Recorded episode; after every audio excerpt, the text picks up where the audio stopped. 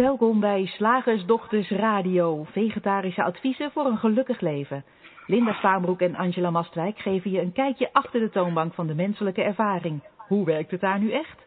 Wij maken gehakt van ingewikkelde concepten en fileren met liefde ook jouw leven. Dat alles onder het motto geluk. Mag het een onsje meer zijn? Goedenavond luisteraars, hier is Linda en helaas een paar minuutjes te laat.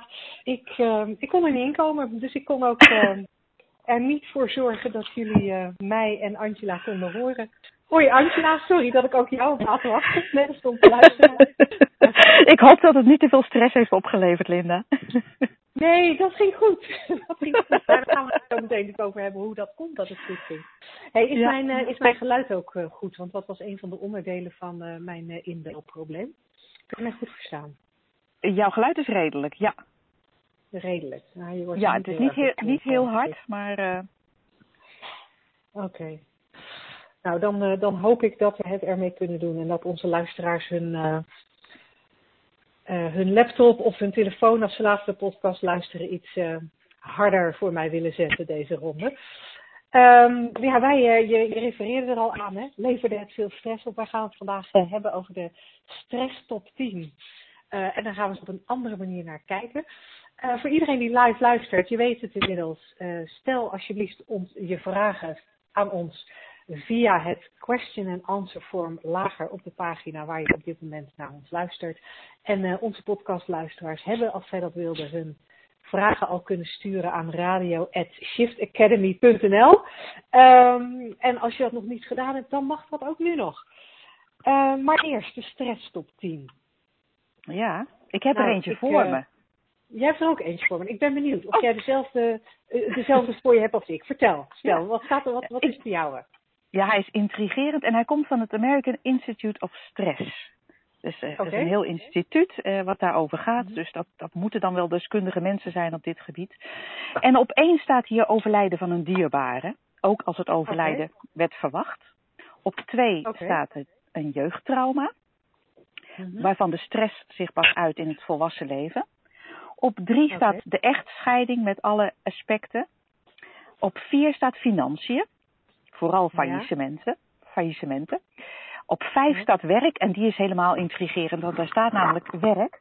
Zowel het niet hebben van werk, zoeken naar een baan en zo, als het wel hebben van werk. Spanning op het werk, angst om de baan kwijt te raken. Te raken. Okay. Kan het te veel. Okay. Dus hier, hier kan je gewoon, dat is een lose-lose situatie werken. Dan, dan hebben we op, uh, op zes slechte gezondheid en ziek zijn. Op zeven persoonlijke relaties. Op acht een chronisch ziek kind. Negen zwangerschap en onvruchtbaarheid. En ook daar is weer, wat er ook gebeurt, het levert altijd stress op. Zowel bij een ongewenste zwangerschap als zwanger naar een verkrachting. Angst voor complicaties bij een zwangerschap. Of stress bij onvruchtbaarheid. En op 10 staat pas, en dat vind ik dan ook heel interessant, gevaar en angst. Bijvoorbeeld bij mensen die wonen in oorlogsgebieden.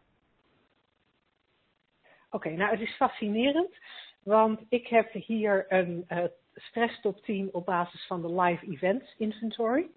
Ja. En uh, uh, die heeft een best wel aardig, aardig afwijkende top 10. Okay. er komen natuurlijk dingen in terug. Maar, maar er zitten ook op mijn lijst staan dingen die absoluut niet op die van jou staan. En, en op jouw lijstje dingen die absoluut niet op de mijne staan. Luister en huiver. Om even voor onze luisteraars maar te laten zien hoe arbitrair het allemaal is. Uh, hier staat op nummer 1 het overlijden van een echtgenoot. Dat schijnt mm -hmm. het meest stressvolle te zijn wat er bestaat. Ja. Uh, op nummer 2 staat gevangenisstraf. Oh. Die fascineert mij ook. Ja. Op 3 het overlijden van een naast familielid. Mm -hmm. En op 4 een direct familielid pleegt zelfmoord. Oké. Okay wat er gebeurt als je echtgenoot zelfmoord pleegt, daar willen we dan maar niet aan denken. Um, ja. Ja. Dan heb je vijf is in de schulden raken en terugbetalen. Dus zowel het in de schulden raken is uh, stressvol, als het terugbetalen van de schuld is stressvol, volgens mm -hmm. deze lijst. Uh, op zes een periode van dakloosheid, of dakloosheid, dus waar ligt de klemtoon? ja. Op nummer zeven een, een direct familielid wat ernstig ziek wordt.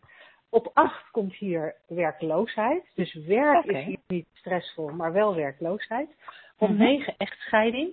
Stond die bij jou niet veel hoger? Ja, op 3 heb ik hem. En, en op 10 het uiteenvallen van het gezin. Oké. Ben dan heel benieuwd wat het verschil is met echtscheiding. Wanneer, ja. wanneer je het alleen echtscheiding noemt en wanneer je het uit, uiteenvallen van het gezin uh, noemt. Wat dat gaat is, is, is zo'n top 10 natuurlijk niet erg informatief uh, als er verder niks bij staat. Maar nee. uh, het is wel echt anders dan jouw lijstje. Ja, en staat bij jou ook het, het wonen in een oorlogsgebied sowieso niet genoemd? Nee, nee. nee dat, dat levert geen, nee, dat, dat levert geen stressvolle gebeurtenis. Ja, bijzonder. in, dit, in, dit, in, in, dit lijstje zijn, gaan, gaan eigenlijk drie van de tien gaan over iemand die doodgaat, al dan niet door zelfmoord. Ja. Uh, en als je een, een, een, en, en, en, en dan is er ook nog eentje met ernstige ziekte.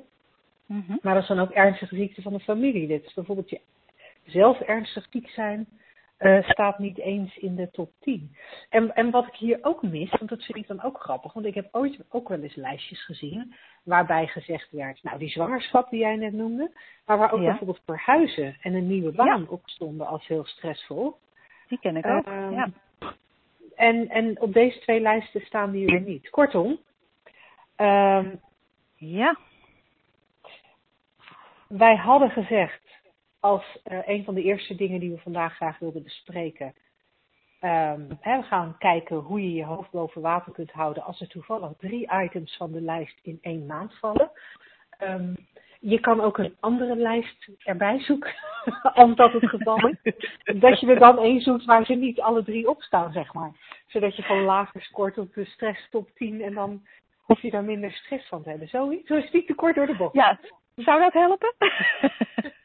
ik, ben, ik ben heel benieuwd. Maar het is, het is natuurlijk wel enorm interessant hoe, we, uh, hoe deze lijsten lijken aan te geven dat, dat uh, zo'n gebeurtenis voor iedereen er hetzelfde uitziet. Of in ieder geval uh, per definitie een hoeveelheid stress oplevert. Ook al zijn de meningen daarover verdeeld hoeveel dat dan is.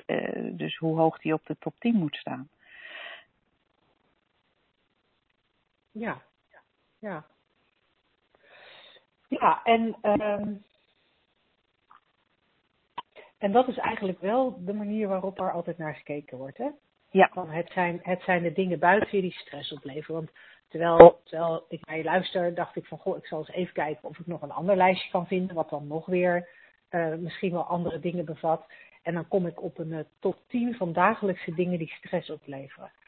Oké. Okay. Um, dus, dus, dus, dus eigenlijk, eigenlijk steeds zien we weer dat die top 10 aangeeft van ja, er zijn buiten jou dingen die stress opleveren. En we kunnen, als we naar een, een, een als we mensen daarover vragen, dan kunnen we blijkbaar uh, een soort consensus vinden over ja, verhuizen of het overlijden van iemand of nou ja, wat, het dan ook, wat, wat we dan ook uit die top 10 nemen dat zijn blijkbaar de dingen die, die veel stress opleveren. Uh, en dat ligt aan die dingen. Dat ligt niet aan jou, dat ligt aan die dingen. Het lijkt ook echt zo te zijn, hè? Want vertel maar eens aan iemand van, nou ja, mijn, uh, mijn partner is deze week overleden. Ik ben ontslagen en uh, nu is er ook nog een ernstige ziekte bij me gecon geconstateerd. Waarschijnlijk mm -hmm. geeft dat in, in het normale leven, ik zeg eh, met nadruk normaal. Ik vind dat namelijk wat anders dan natuurlijk. In het normale leven, in, de, in zoals wij gewend zijn de dingen te bekijken, zal je dan ongetwijfeld de reactie krijgen van, oh, nou, wat vreselijk, wat erg. En ja. misschien is het achterhoofd, wat zal die hoog scoren op de stress top 10. En ik wil niet zeggen dat, uh, uh,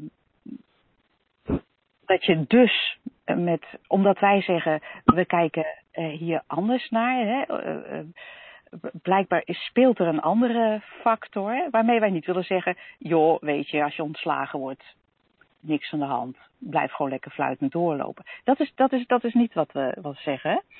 Maar wat we wel zeggen is, het is dus nogal arbitrair, die hoeveelheid stress die er ergens aan vast lijkt te zitten. En het is ook van persoon tot persoon natuurlijk heel verschillend. Ik lees hier bijvoorbeeld van een, een chronisch ziek kind. Nou, dat, ik, ik heb een tijdje natuurlijk een kind gehad wat, wat, uh, wat ziek was. Het was, het was meer uh, hè, met anorexia. Uh, dat zou je kunnen zijn, zien als psychisch ziek. En fysiek is er dan natuurlijk ook van alles aan de hand. Er moet van alles gedaan worden. Je moet naar ziekenhuizen, naar psychologen, voedingsdeskundigen. Hij mocht niet zelf meer bewegen, dus er moest naar school gereden worden, dat soort dingen. En dan zou ik denken, ja, ja dat zou dus inderdaad, uh, als je allemaal, als je denkt dat al die factoren een, een, een stress uh, virusje in zich hebben, zou dat alles bij elkaar inderdaad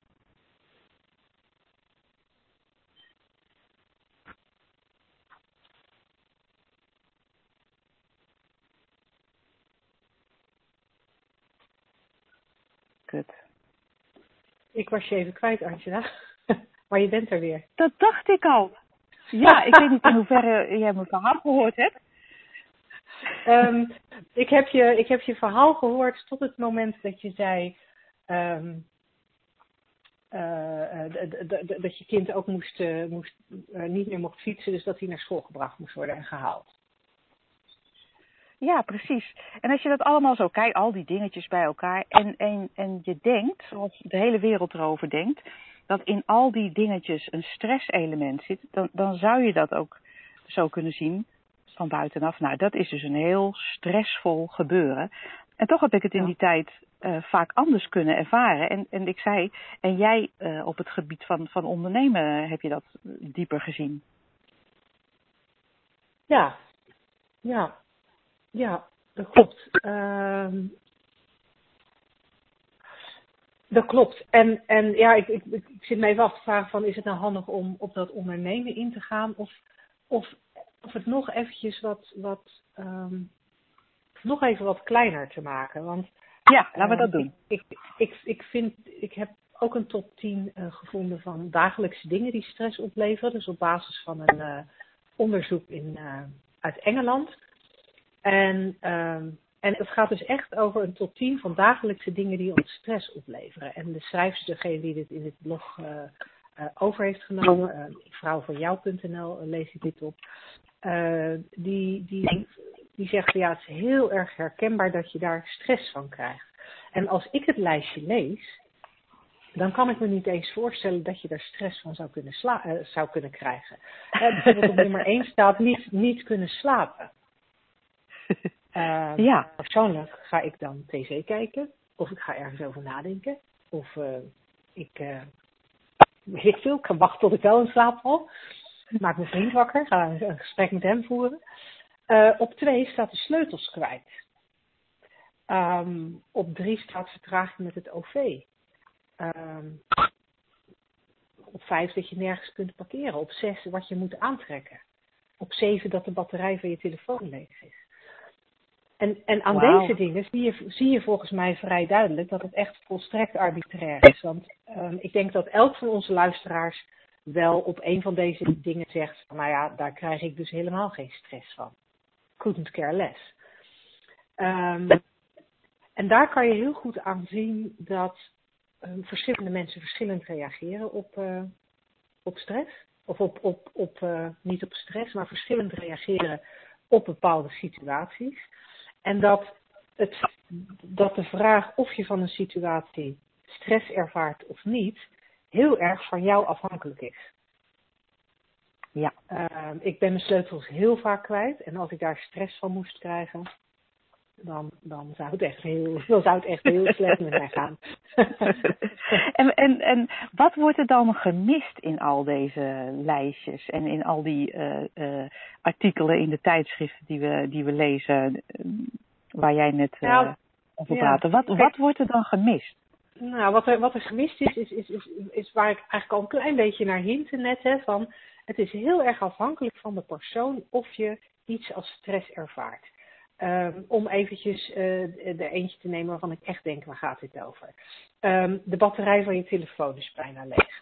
Of je daar stress van krijgt of niet, daarvan, daarvan kan je heel duidelijk zien, nou, een deel van de mensen um, reageert daar wel gestrest op en een deel van de mensen reageert daar niet gestrest op.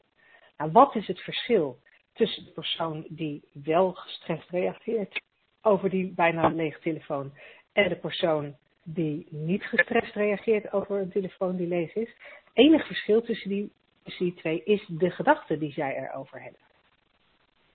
En de gedachte die je hebt over die batterij van je telefoon, wat je daar voor een verhaal bij maakt, wat je daar voor consequenties bij verzint, wat je daar voor een horrorstory bij maakt, um, of, of dat je er helemaal niet over denkt, dat je het alleen maar constateert, oh, batterij leeg, punt. Um, of dat je denkt, goh, batterij leeg, ik uh, app nog even snel naar, naar de mensen die mij mogelijk nodig zouden kunnen heb, hebben om te zeggen dat ik uh, over drie minuten niet meer bereikbaar ben. En uh, ze zien me wel weer verschijnen of ze horen me wel weer. Um, dat verschil in gedachten, hoe je ergens over denkt, dat bepaalt uh, uh, volledig of je wel of niet ergens stress van ervaart. Ja, en, de, en dat klinkt zo van, oh, dan, dan kan je er dus ook gewoon een andere gedachte over verzinnen. Van, oh, ik ben nu heel erg in paniek. Mm. Ik moet even een andere gedachte verzinnen. Dan ben ik wat minder in paniek. En toch ja. zeggen wij, nou, dat, het, het ligt nog iets anders. Het ligt nog iets anders ja. als, als, het is namelijk zo, als je je bewust bent van het feit dat je alleen je gedachten kan voelen en niet een omstandigheid, dan is er eigenlijk al een soort natuurlijke ruimte ontstaat er dan zo zou ik het willen omschrijven. Misschien heb jij daar een andere omschrijving voor. Een soort natuurlijke ruimte ontstaat er dan uh, ten eerste al omdat je niet, hè, laten we even het voorbeeld nemen van de telefoon met, uh, met batterij. Dat je niet van hop naar haar gaat rennen als een kip zonder kop om je telefoon op te laden of anderszins het praktisch op te lossen. Um, omdat je snapt dat je alleen een gedachte kan voelen. Dan staat er gewoon ruimte om ja, voor een andere gedachte. Oh, ik kan even dit doen, ik kan even dat. Of ik hoef helemaal niks te doen. Dat is natuurlijk niet te voorspellen wat voor een andere gedachte, wat voor een frisse gedachte er, er opkomt in jou. En in het geval van een telefoon uh, die leeg is, is natuurlijk vrij uh, triviaal op de meeste momenten. Uh, hoeft er natuurlijk helemaal geen andere gedachte over op te komen. Maar het is wel essentieel dat je eigenlijk dat, dat je in dat je als mensen de mogelijkheid hebt, laat ik het zo zien, zeggen, om te zien waar die ervaring in dat moment vandaan komt. Waar, die, waar, waar het stressgevoel, dat, dat, dat kennen we allemaal, hè, van oh, een soort, soort je, je maag wordt samengeknepen of, of je wordt ja, een beetje hyperachtige reactie. Dat dat alleen veroorzaakt wordt door het feit dat je denkt. Ja, en, en wat ik razend interessant vind en altijd heel moeilijk over te brengen aan mensen, is dat, zoals jij het nu uh, vertelt, um, klinkt het als een redelijk bewust proces. En in sommige gevallen merk ik zelf dat dat inderdaad een bewust proces kan zijn. Hè? Dat, ja. dat, uh, dat, dat er iets op me afkomt waar ik, uh, nou ja, waar ik veel gedachten over heb, die mijn gevoel stress geven. Um, en, en soms, nou ja, doe, is dat dan inderdaad een bewustzijn van, oh, ik heb hier heel veel gedachten over. Uh, goh, ja, oh ja, dat, het systeem werkt inderdaad. Ja, ook bij mij werkt het systeem nog steeds. Perfect. Uh, er komt een gedachte op, er komt uh, een emotie bij, er komt gevoel bij. En, en, en mijn bewustzijn, ja, maak daar een special effect bij, waardoor ik, waardoor ik nou ja, kort adem, korter ademhaal of bij de buik krijg of schrik of adrenaline aanmaak of wat het dan ook is op zo'n moment. En, dan, en dan ben ik me even bewust van het feit, oh ja, oh ja, zo werkt het systeem. Oh nou ja, oké, dat is dan even zo. En dan, dan geeft dat vaak al een bepaalde rust en dan nou ja, dan hoef je inderdaad niet als een dolle naar sleutels te gaan lopen zoeken. Of nou ja, wat voor een ander stressvol gedrag je ook zou kunnen hebben in een bepaalde situatie. Dus, dus soms is het inderdaad zo bewust. Maar wat ik heel fascinerend vind en, en waar ik nog steeds met verbazing naar kan kijken, is dat als je in de richting van de drie principes kijkt, als je meer inzicht krijgt in hoe dat voor jou werkt, hè, hoe het in zijn algemeenheid werkt, maar hè, hoe het systeem werkt, maar zeker ook hoe dat bij jou werkt, uh, dat er heel veel dingen vanzelf wegvallen. Dat, dat je niet eens, dat, dat de stressreactie niet eens meer komt. Dus je hoeft helemaal niet erbij stil te staan dat het je gedachten zijn. Op de een of andere manier komen die gedachten niet eens meer. En ik heb daar nog een, ik heb daar nog een, een, voorbeeld van, van uh, nou, ik denk inmiddels twee jaar geleden. Um, toen, en ik heb het voorbeeld misschien al eens eerder genoemd hoor, dus, dus vergeef, vergeef me als, uh, als het een bekend voorbeeld is. Maar ik zou uh, een event hebben de volgende dag met, nou ik geloof 80, 90 mensen in de zaal. En ik had een leuk nieuw jurkje gekocht. En dat, nou, weet je, dat, dat was dan van tevoren bedacht. Ik zou dat jurkje aandoen en da da da da da. Zoals je dan bij, zoals ik bij grotere events graag zorg dat dingen leuk geregeld zijn. um, en uh, dus ik had, ik had dat leuke jurkje. En ik uh, zei de avond tevoren tegen mijn vriendin slash assistente die er al was om de volgende dag mee te gaan. Die sliep bij mij. Van ik ga, ik ga nog heel even mijn jurkje strijken. En toen zei ze, nou maar dat is niet nodig. Want uh, dat jurkje hoef je helemaal niet te strijken. Ja, wel, daar onderaan bij het, uh, bij het naadje, bij het stiknaadje, daar zie ik toch een paar kreukeltjes. Dat wil ik even helemaal netjes maken. dus, nou, ik naar boven. Ik ben, ik, dus de, de strijkplanken uitgeklapt, strijkbout erbij en jurk op de strijkplank. Ik zet de strijkbout erop en, en, en, en wil, je weet wel, als je strijkt, dat je zo'n glijdende beweging maakt. Ik wilde die glijdende beweging maken, maar dat ging helemaal niet. Want, want zodra het strijdbout dat jurkje raakte, smolt hij eraan vast. Dus ik had mijn stiksplit in die jurkje. Daar had ik echt zo'n zo, nou ja, zo'n punt van een strijkijzer in zitten. mijn, mijn, mijn vriendin slash assistent stond, die, die, die, die zag gewoon in een soort, in een soort, uh, um, nou ja, zo'n stand komen van ik moet nu een klap gaan opvangen. Want die was erin van mij dat als gebeurde, dat ik ontplofte in een, in een, in, in, in, in gehuil minstens. En wanhoop. En wat moet ik nou? Wat moet ik morgen nou aan? En het enige wat ik zei was, oh kijk. Ik hield het jurkje op. Oh kijk.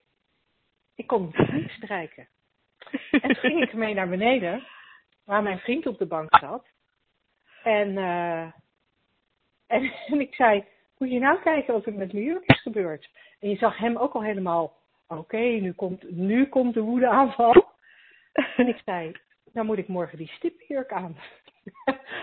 dat was alles. Dat was alles. Er was geen enkel moment waarop ik bewust bezig was om, om mijn gedachten anders te maken dan ze voorheen waren. Om anders met dit stressmoment om te gaan. De stress was er gewoon niet. Er was alleen maar de constatering, hm, jurkje kan ik niet aan. Hm, ander jurkje is wel beschikbaar. Dat was het. En dat vind ik super, super, super fascinerend. Um, van, zeg maar, een super fascinerend effect van inzicht in de drie principles op stress. Ja. En dat, en dat is wat mij betreft ook waarom ik zo enthousiast ben over de, over de, de masterclass, hè, de workshopdag die we op 24 maart hebben, uh, over stress waar we heel graag een dag lang met onze luisteraars, um, maar natuurlijk ook andere mensen die daarin geïnteresseerd zijn, echt een dag lang willen kijken naar dit onderwerp. Want wat we nu natuurlijk in een kwartier, twintig minuutjes kunnen, is maar het topje van de, topje van de ijsberg.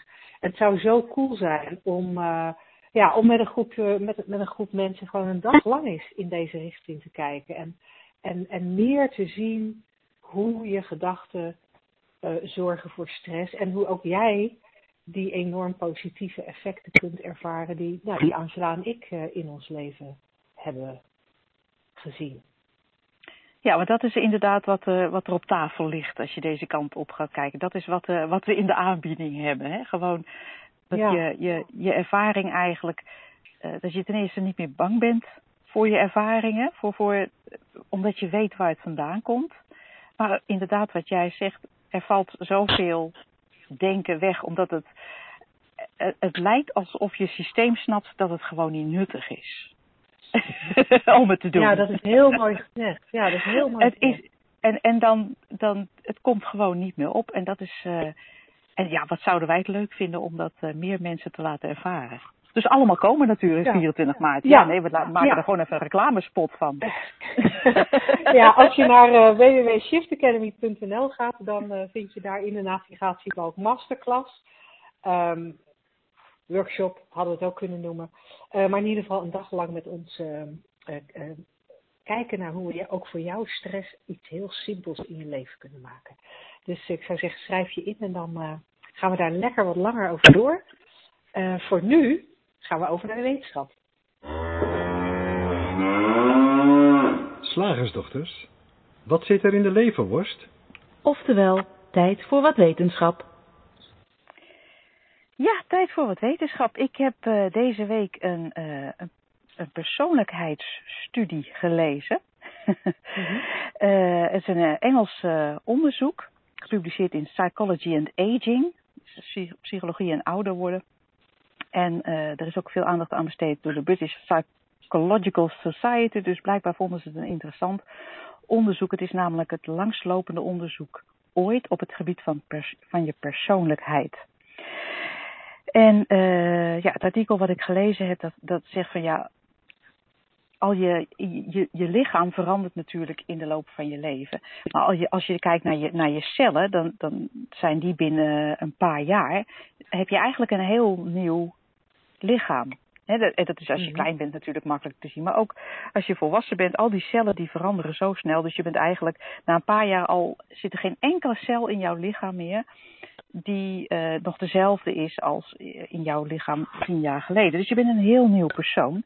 En uh, dat is ook een interessant onderwerp, vond men, om te onderzoeken van je persoonlijkheid. Hoe zit het daarmee? Blijft die vast of verandert die? En daar is dus een heel lang uh, lopend onderzoek naar gedaan. Ze begonnen in 1950. En de gegevens uh, hebben ze verzameld in Schotland uh, via vragenlijsten van 14-jarigen. 1200 deelnemers waren er aan die vragenlijst.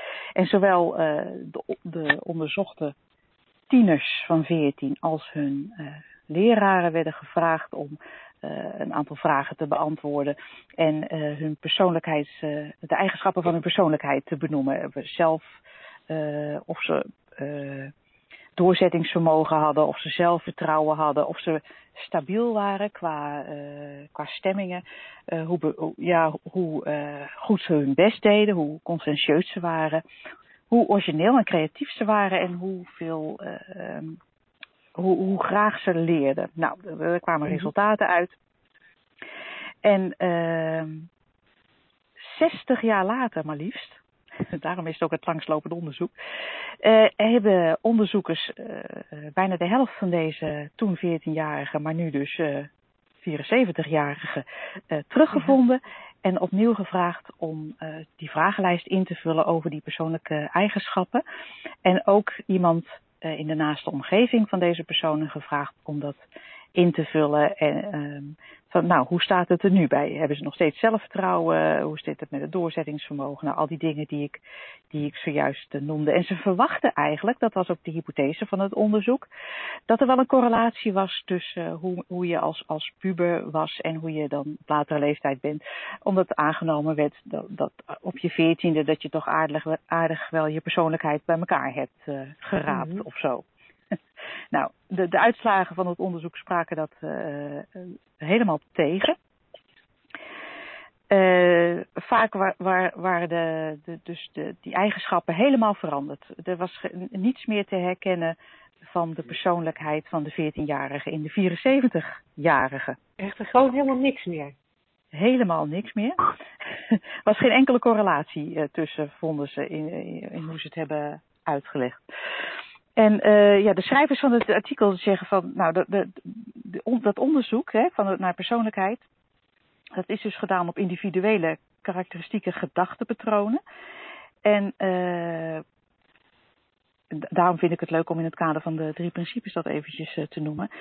En die onderzoekers zeggen, ja, we hebben dus ontdekt dat die allemaal zo drastisch kunnen veranderen in de loop van de tijd, dat je dus niet alleen fysiek een heel ander persoon bent, maar ook uh, qua karakter uh, totaal niet meer op je, op, op je 14-jarige zelf kan lijken als je eenmaal uh, bejaard bent.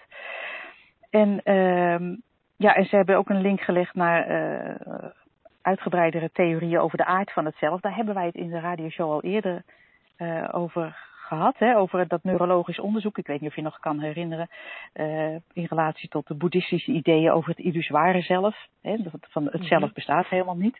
Dus, dus ze hebben het ook. Nou ja, de, de, de conclusie is, we moeten toch nog maar meer onderzoek doen. Want de hypothese die we hadden als psychologen, van nou ja, dat die, die eigenschappen die je dus jong ontwikkelt, dat je die niet meer kwijtraakt, ja, dat blijkt dus niet waar te zijn.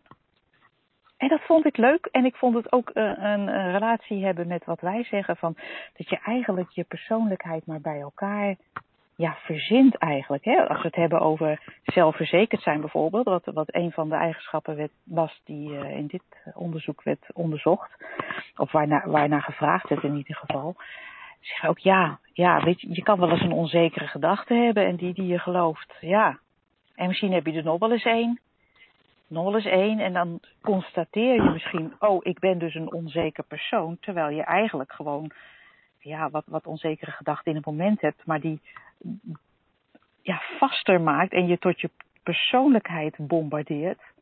Terwijl de werkelijkheid eigenlijk heel flexibel is. Hè? Dat je in elk moment ook weer een andere gedachte kan hebben, waarbij je toevallig wel zelfverzekerd bent in een andere situatie of op, gewoon op een heel ander uh, moment in dezelfde situatie. Dus eigenlijk onderschrijft dit. ja. Wat ik, wat ik grappig vind, is dat het dus ook haak staat op, op wat we altijd denken. Uh, ja. Tenminste, wat altijd gezegd wordt van, ja, je kan iemand niet wezenlijk veranderen. Of iemand kan Precies. niet wezenlijk veranderen. Precies. En daarom heeft het deze onderzoekers waarschijnlijk zelf ook verbaasd. Hè? Want een hypothese was eigenlijk dat, dat, dat, dat het uh, ja, misschien op een paar vlakken uh, een beetje veranderd zou kunnen zijn. Misschien wat meer zelfvertrouwen naarmate je ouder wordt. En, maar dat, ja, dus uh, de uitslagen van, van deze vragenlijst daar totaal niet op wijzen. En dat vond ik mooi. Ik dacht dat is ook weer een kleine verschuiving misschien van van de oude paradigma's in, het, uh, in de psychologie. Ja, ja. Meer in de richting zoals wij het uh, zeggen eigenlijk. Ja, zoals en wij het bekijken. Ook, ja, en het geeft ook zoveel vrijheid, vind ik, als je, ja. Uh, als je, als je dit voor jezelf als waarheid durft te zien. Hè? Wat, wat er uit dit onderzoek is gekomen, dat je persoonlijkheid gewoon verandert in de, in de loop van je leven. Want dat geeft je heel erg de vrijheid om om te veranderen. Weet je, dan hoef je ook niet vast te houden aan, ja, maar ik was een verlegen kind, dus logisch dat ik nu ook verlegen ben. Ja, of ik ben nu eenmaal perfectionist. Ja. Ja, dus daar zal ik de rest van mijn leven wel, uh, wel, wel last van hebben. Zo ben ik nu eenmaal.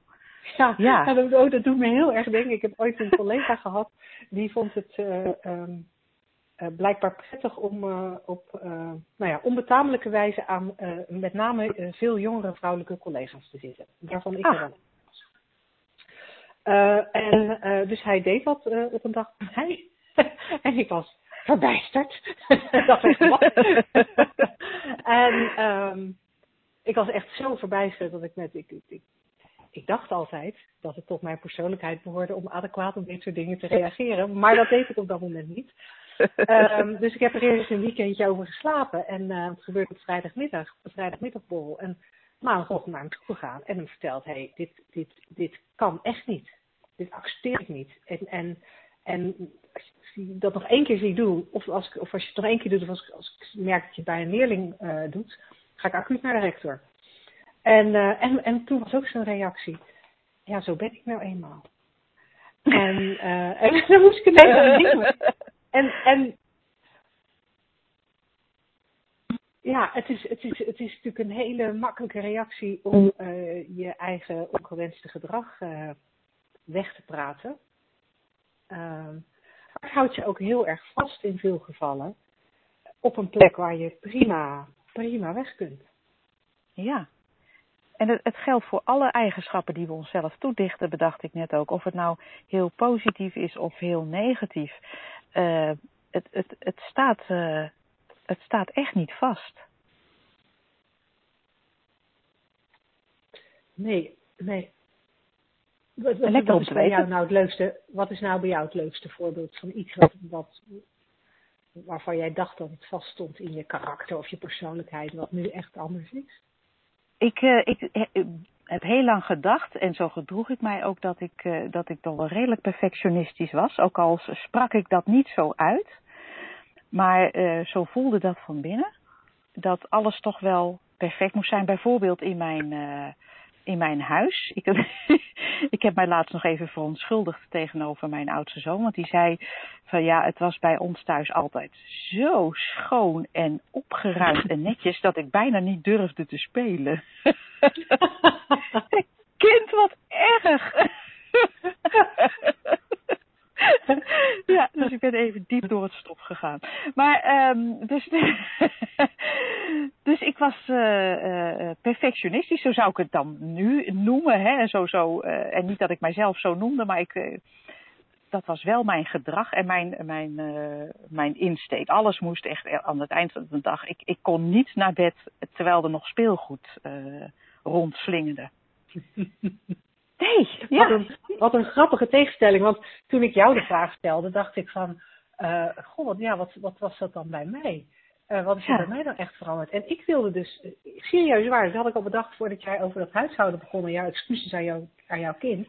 Wat er bij mij heel erg veranderd is, is dat ik dus gewoon bij voor, ja, gewoon het liefst zo min mogelijk aan het huishouden deed. Gewoon, ja, bij voorkeur niks.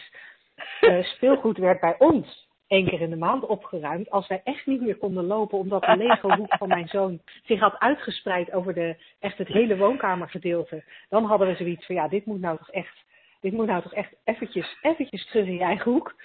Um, en ja, er komt nu wel heel veel stof. Dus dan moeten we nu toch wel eens een keertje uh, uh, stofzuigen. Um, ik deed de wc's nog, maar daar, daar bleef het eigenlijk altijd wel bij. En de rest uh, deed ik maar heel af en toe. En ik merk aan mezelf dat ik de andere kant op veranderd ben. ik moest vroeger schaamde ik me altijd heel erg als mijn ouders op visite kwamen. Moest ik heel snel gaan schoonmaken, want ik kom namelijk uit een lange lijn van, van hele schone uh, huisvrouwen. En ik heb altijd gezegd van ja, dat schoonmaakgen, dat heeft, dat heeft in mijn generatie is dat ineens overgesprongen naar de mannelijke lijn. Want mijn broer had het altijd wel en ik niet.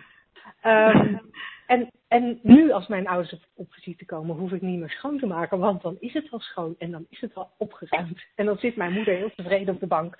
Wat ziet je huis er toch gezellig uit. en dat was vroeger echt nooit het geval. En dat is ook de gewoon spontaan veranderd. Daar heb ik niks aan gedaan. Ja. Nee, geinig is dat, hè? En het is, het is, het is interessant, dat ik, ik hou nog steeds van een opgeruimd, nou ja, huis heb ik niet meer, maar een opgeruimde camper. Vind, dat vind ik nog steeds best fijn. Maar, maar het is, als het niet zo is, het zit me gewoon niet in de weg. Het is gewoon geen, geen, geen issue. En dat, en dat is gewoon ook, ook, ook heel bevrijdend. Terwijl ik nog steeds, terwijl ik nog steeds graag, nou ja, ik heb een geliefde die, die heel uh, is in het schoonmaken. Dus dat is eigenlijk een beetje on, oneerlijk, want ik hoef het ook niet. Maar als het zo uitkomt, dan, dan, maak ik nog steeds schoon en, en ruim ik nog steeds op. Maar het is niet meer dat, dat het moet van mezelf of dat ik niet naar bed kan zonder dat dat gebeurt. Het is gewoon er vrij in zijn. Ja. Ja, wat ja. heerlijk hè? Dat je ook nou, gewoon, uh, kan en mag veranderen. Gaaf dat we dit ook nu wetenschappelijk bewezen hebben. ja. dat, dat, uh, dat dat gewoon gebeurt. Kijk. Als je jezelf de ruimte geeft. Cool. Ja. Uh, tijd. Zeg, slagersdochters, hoe bak ik die vegaburger? Over naar de luisteraarsvraag. Heb jij een luisteraarsvraag heb... binnengekregen? Ik heb nog niets binnen. Heb jij iets in je hokje staan? Ik heb ook niets in mijn hokje staan. Nou, het is teleurstellend. Uh, dus, uh, onze luisteraars zijn heel stil op het moment. Um, dat betekent of dat wij enorm duidelijk zijn in alles wat we vertellen, of uh, dat uh, mensen misschien toch niet zomaar hun ja-maars aan ons durven toe te sturen. Um, of hun mijmeringen of hun echte concrete vragen. Maar nogmaals, voel je vrij om dat wel te doen. Wij vinden het hartstikke leuk om daarmee aan de slag te gaan. Um, wat ik wel nog had op een lijstje is uh, niet zozeer een vraag, maar wel um, een mijmering van, uh, van iemand waar ik een gesprek mee had. En, en, en is denk ik wel interessant om eventjes bij stil te staan. Um, moet ik heel even kijken waar ik het. Uh, het, het, gaat over, zoals, zoals degene in dit gesprek het tegen mij zei, vanuit het verleden reageren. Um, en uh, degene waar ik het gesprek mee had, die zag dat bij, uh, bij een, een, broer en schoonzus, die geen fijne relatie hebben met elkaar op het moment. En de vrouw in kwestie blijft steeds maar hameren op dingen die lang geleden gebeurd zijn. Dat is in ieder geval de observatie van degene die met mij het gesprek had. Ja. En, en zij vertelde dat, um, ja, dat deze vrouw dat wat er in het verleden gebeurd is ook lijkt te zien als een bewijs dat hij niet, uh, dat hij niet deugt. Ja. En eigenlijk alles wat er dan nu voorvalt, dat is niet alleen maar het incident van nu, maar dat is, dat is een soort cumulatie van alles wat er, wat er in het verleden ook gebeurd is. Um, als, ik het, uh, als ik het meer een beetje in, uh, in, in, in onze drie principles taal zou zeggen, dan, dan zou ik zeggen van ja, er is, er is dus in, bij dat stel nooit een schone lei. Er wordt nooit opnieuw begonnen. Het is ja. altijd uh, nog weer met, uh, met de restjes van vroeger. Ja, alsof je een soort een, een, eh, een wondje hebt waar je dan steeds maar aan blijft krabben. He, ja. dat, van, van, er is inmiddels een kostje opgekomen. He, het, is, het, is, het is eigenlijk een, uh, ja, alles wat er ooit gebeurd is, het bestaat niet buiten de gedachten die je erover hebt meegenomen. Hè? En dat vind ik, dat vind ik eh, heel mooi om dat, om dat steeds weer te zien bij mezelf, maar ook, ook bij mensen die ik spreek. Dat het gewoon zo'n herinnering, als je die oproept, dan kan het soms nog evenveel pijn doen als, als uh, toen het, de situatie zichzelf voordeed toen het, het, het mm -hmm. gebeurde. Maar uiteindelijk is er, buiten die gedachten die je dan mee hebt genomen door de tijd, bestaat, er, bestaat het niet meer. Is het er niet meer. En het is zo jammer om, om, dat, uh, om steeds vanuit zo'n gedachte uh, inderdaad te reageren. En het is, het is want het, het menselijk systeem is eigenlijk op gericht om, uh, om een soort eh, natuurlijke flow te hebben. Net als, net als de, de seizoenen en, en de eb en de vloed. Van een gedachte die opkomt. Uh, een, een, situatie die zich voordoet. Een herinnering die je hebt, die komt op en hij, gaat ook weer weg. En dan hebben we als mens blijkbaar uh, de gewoonte gecreëerd, of sommigen hebben de gewoonte gecreëerd, uh, de pijnlijke gewoonte om zo'n gedachte vast te houden en van daaruit alles te bezien. Om, om, om om een, je blik te laten vertroebelen op wat, op wat er zich nu afspeelt. Of dat nu een persoon is of een gebeurtenis. Hè. Bij, bij, bij, je ziet het ook vaak bijvoorbeeld. Uh, ik schrik nog steeds. Dat is ook grappig. Ik, ik schrik nog steeds als er uh, een auto van rechts komt die in mijn, naar mijn inschatting niet op tijd rent. Ik heb ooit een keer in een auto gezeten uh, waar iemand van rechts aankwam en die met volle gang uh, tegen me aanreed. Ik zat op de mhm. passagiersstoel. En, en dat, dat, is een, een, dat is een gebeurtenis, die gedachte, die herinnering, die heb ik meegenomen. En met door die bril van die herinnering kijk ik nog steeds totdat het ophoudt. naar, auto's die, van, uh, die met een beetje grote vaart van rechts aankomen. Dat is, dat is grappig om waar te nemen. En dat, heeft, dat is heel lang heeft dat een grote schrikreactie opgeleverd. Nu is het nog maar af en toe dat ik die, die bril op heb. En ja, dat doen we blijkbaar in relaties ook. En in een liefdesrelatie zie je het vaak heel, heel sterk gebeuren dat we denken dat we die ander kennen. Door acties die er ooit zijn ondernomen, door dingen die er gedaan zijn of gezegd zijn. We denken dat we die ander kennen. En uh, je hoort dat dan ook vaak hè, in langlopende relatie van uh, ja, nee, maar ik ken hem. Hij, dan, dan, hij doet altijd uh, nou ja, X of, of, of Y. Ja. ja. en, ja. En in combinatie met dat onderzoek wat jij net noemde, dat iemands persoonlijkheid verandert tussen zijn, onherkenbaar verandert tussen zijn 14 en zijn 74ste. Ja. Dan kan je je voorstellen dat als je van die, van die 60 jaar, 30 jaar met iemand getrouwd is, dat hij toch minstens voor de, zeg maar de, de helft van die verandering uh, waarschijnlijk al heeft doorgemaakt. Dus dan is iemand al niet meer wie die was toen jij uh, uh, een relatie met hem kreeg. Ja, en dan is de vraag, ben je bereid om, om, om te zien hoe het werkt? En die bril af te zetten, die, die herinnering te laten zijn voor wat het is. Een herinnering, een, een gedachte die je mee hebt genomen in de tijd, die, die je nu niet meer hoeft te, te dwars te zitten, niet meer hoeft te kwetsen, niet meer, hoeft, uh, niet meer je huidige ervaring hoeft te kleuren. Uh, kun je zien dat het, dat het, dat het zo werkt. En, en, wat, en wat zie je dan zonder, die, uh, zonder dat je die uh, die, die, die oude situatie, dat, dat oude denken, je huidige ervaring laat kleuren. Wat valt er dan te zien? Een soort nieuwsgierigheid zou, het kunnen, zou het kunnen zijn. Ja. ja. Van hé, hey, ik ken hem niet. Die man die hier op de bank zit. Wat zegt hij eigenlijk? En, en dat, dat ja. Lijkt ook een ander soort luisteren op te leveren. Hè? Want als je ook luistert door, met, met, met in je achterhoofd steeds die, die oude ervaring, steeds die, die, die herinnering, dan kan je ook alleen maar uh, horen wat daarbij aansluit. He, jij jij ja.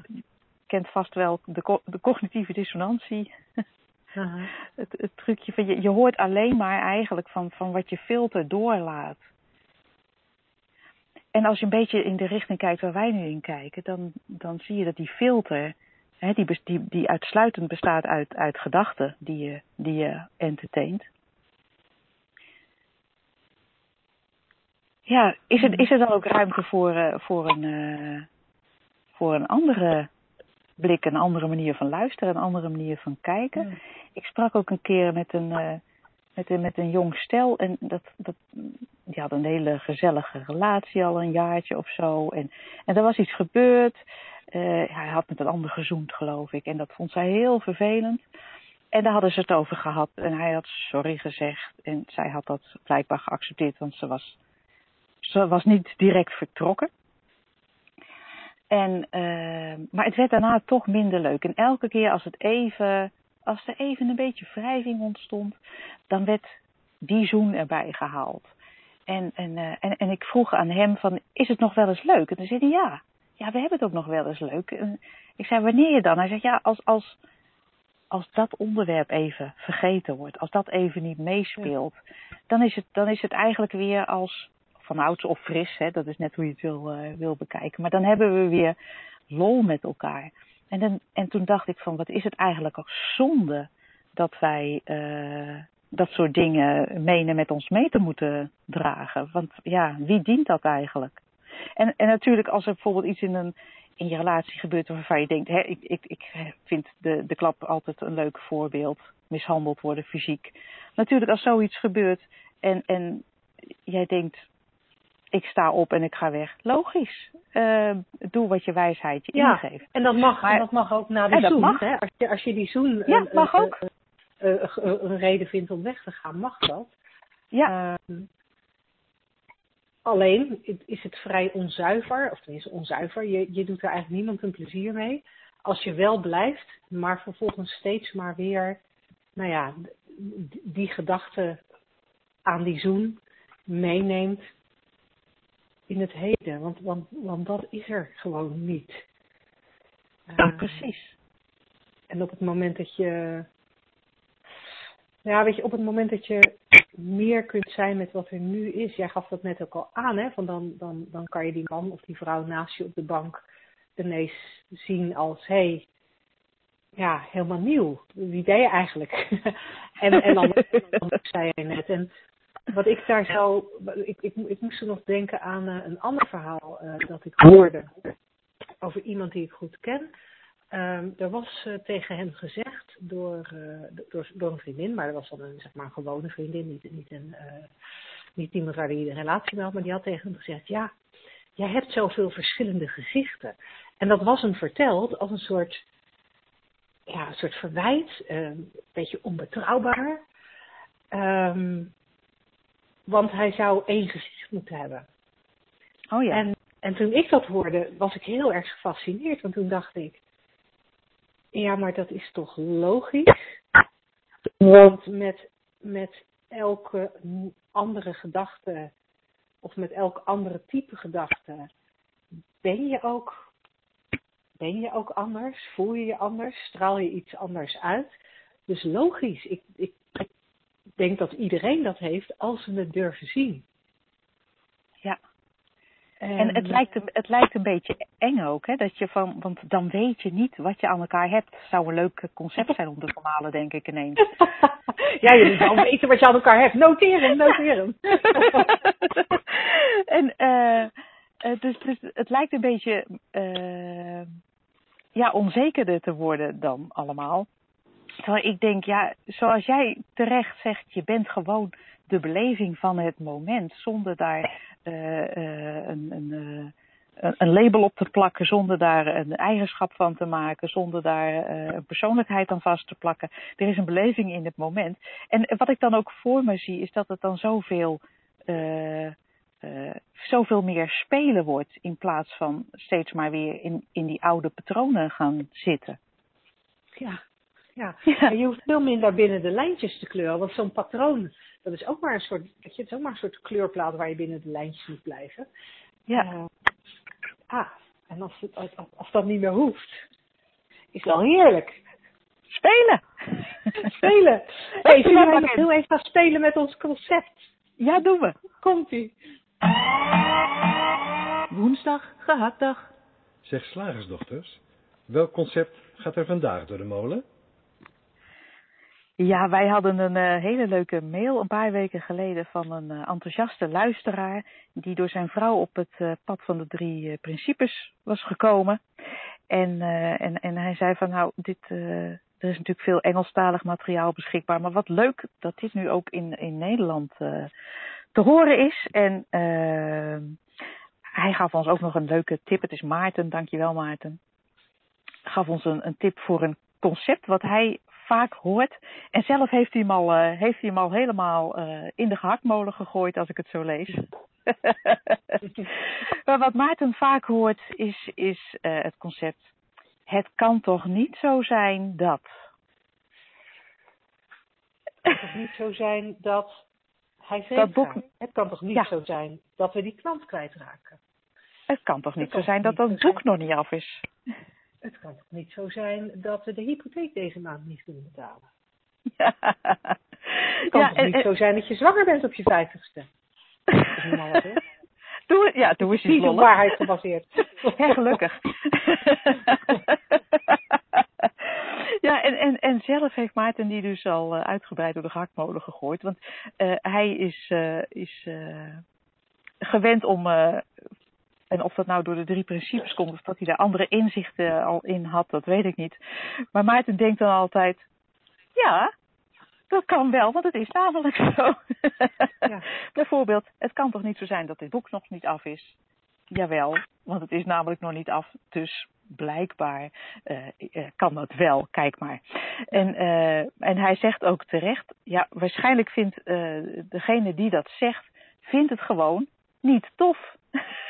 dat, het, ja. dat, het, uh, dat die situatie zich voordoet. Hè? Dat de hypotheek niet betaald kan worden, dat je zwanger bent op je vijftigste, dat het boek nog niet af is. Of wat dan ook. Het is niet, uh, de, degene die dat zegt van het kan toch niet zo zijn, heeft er bezwaar tegen. ja, ja. Want hij had zo zijn eigen concept in zijn hoofd over hoe het leven eruit wordt te zien. Ja. Zijn eigen wensen en voorkeuren. En dan uh, gaat de flow van het leven ineens uh, zijn eigen ding doen. Ja. Um, ik vind het fascinerend om te zien hoeveel verdriet we onszelf doen. En ik denk ook hoeveel stress we onszelf bezorgen uh, door, door in, in strijd te gaan en in verzet te gaan tegen wat er is. Ja. En, en nou eigenlijk, eigenlijk die, die, die stress tot 10 minuten. Laatste... Woensdag. Oh, sorry, sorry, sorry. Oh. Woensdag, gehaktdag.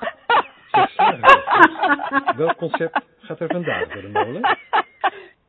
ik, wil, ik wil iets anders aanklikken op mijn computer en ik blijf, toch, blijf maar per ongeluk op dat concept klikken. Ik wilde even terug naar die laatste, die laatste uh, uh, stresstop 10 die ik noemde, hè, waarvan we al geconstateerd hadden van ja, jeetje, uh, dat, dat zijn dan de dagelijkse stressdingen. Uh, daar kan je heel helder aan zien dat, het, dat, dat de stress veroorzaakt wordt door het verzet. Um, ja, niet kunnen slapen. Daar verzetten we ons tegen, want we hebben in ons hoofd, je moet s'nachts acht uur slapen. Of misschien heb jij in je hoofd dat je zes uur of, of elf uur moet slapen, maar we hebben, we hebben iets in ons hoofd. En als dat niet gebeurt, dan komt het, dan komt het niet goed, hebben we bedacht. Um, en, en, en dan, omdat we in verzet zijn tegen het wakker liggen, ervaren we stress. Um, vertraging met het OV of in de file, verzet tegen het feit dat we stilstaan. Ja. Um, en uh, uh, nergens kunnen parkeren, verzet tegen het feit dat we een extra rondje moeten rijden. Um, dus dus het, zijn, het, het is in mijn ogen allemaal verzet. En, en, en daar doe je jezelf heel veel, uh, heel veel verdriet en, en ellende mee aan. En ook zo'n zo'n zinnetje, het kan toch niet zo zijn dat, is ook je verzetten tegen wat er is. En accepteren wat er is, omdat je het nou eenmaal toch niet kan veranderen. Als er geen parkeerplek is, dan zal je een stukje verder moeten rijden. Als je uh, uh, in de file staat, dan zul je even moeten wachten tot die opgelost is. Uh, je kan er toch niks aan veranderen. Dus dan, dan. Waarom zou je in verzet zijn? Ja, het is, het is een enorme uh, verlies, van, uh, verlies aan energie, al dat soort. Uh, het is heel erg verlies aan energie. En ik heb, ik heb het volgens mij een tijdje terug ook al eens een keertje genoemd. Volgens mij ook in, in het kader van het formaal concept. dat ik zei van ja, het, ik, ik vind het ook een beetje het toppunt van arrogantie. Dat jij ja. kan bepalen hoe het gaat. Dat jij ja. kan bepalen hoe het hoort. Dat ja, jij de, ja. het, het hele leven kunt controleren. De files, of dat boek af is, of je die klant kan, alsof je alle, dat alles, alsof jij de maestro bent die, die, die, die, die alle marionetten aan touwtjes heeft. En precies ja. kan, elk touwtje kan laten bewegen in de richting die jij wil laten bewegen. Dat is gewoon niet zo. Je bent God niet als je in God gelooft. Je bent niet de universele levensenergie. uh, uh, je, bent wel, je, bent, je, je bent wel de universele levensenergie, maar, maar als onderdeel daarvan. Niet, niet alsof jij aan het stuur zit. Is nee, het is, uh, nee, het is niet, het leven is niet maakbaar. En het, en het gaat inderdaad heel ver uh, van, de, van de, de, de kleine stress top 10 tot de grote dingen in het leven. En je hoort mensen ook vaak zeggen, oh, hij ging te vroeg dood. En dan denk ik altijd, volgens wiens mening. Uh, ja, ja. um, verzet tegen wat is, ja, dat, dat is een. Uh, en uiteindelijk is dat, bestaat dat verzet ook weer alleen uit, uit die gedachten die we dan hebben over dat wij het beter weten dan het leven. Ja. ja. Gewoon uh, mee ophouden. Stop het. En gelukkig, gelukkig hebben wij inmiddels de ervaring dat je daar niet aan hoeft te werken, maar dat alleen inzicht in hoe het systeem werkt, ja, je beleeft in elk moment de gedachten die je hebt, of het nou gedachten van verzet zijn, of, of, of geen gedachten, of volledige acceptatie en overgave. Dat is wat je beleeft in het moment. En als je dat ziet, ja, dan wordt het gewoon een stuk rustiger in je hoofd. Het wordt een stuk rustiger, het leven wordt een stuk, een stuk makkelijker en een stuk ontspannender. Um, ja, en als je daar, even nog naar richting onze luisteraars, als je daar uh, graag eens wat langer met ons over door zou willen praten, 24 maart is je kans uh, tijdens de masterclass Stress Made Simple. Um, ga naar www.shiftacademy.nl en uh, schrijf je in, zou ik zeggen. Heel graag tot volgende week en graag tot 24 maart. Ja, leuk. Tot dan.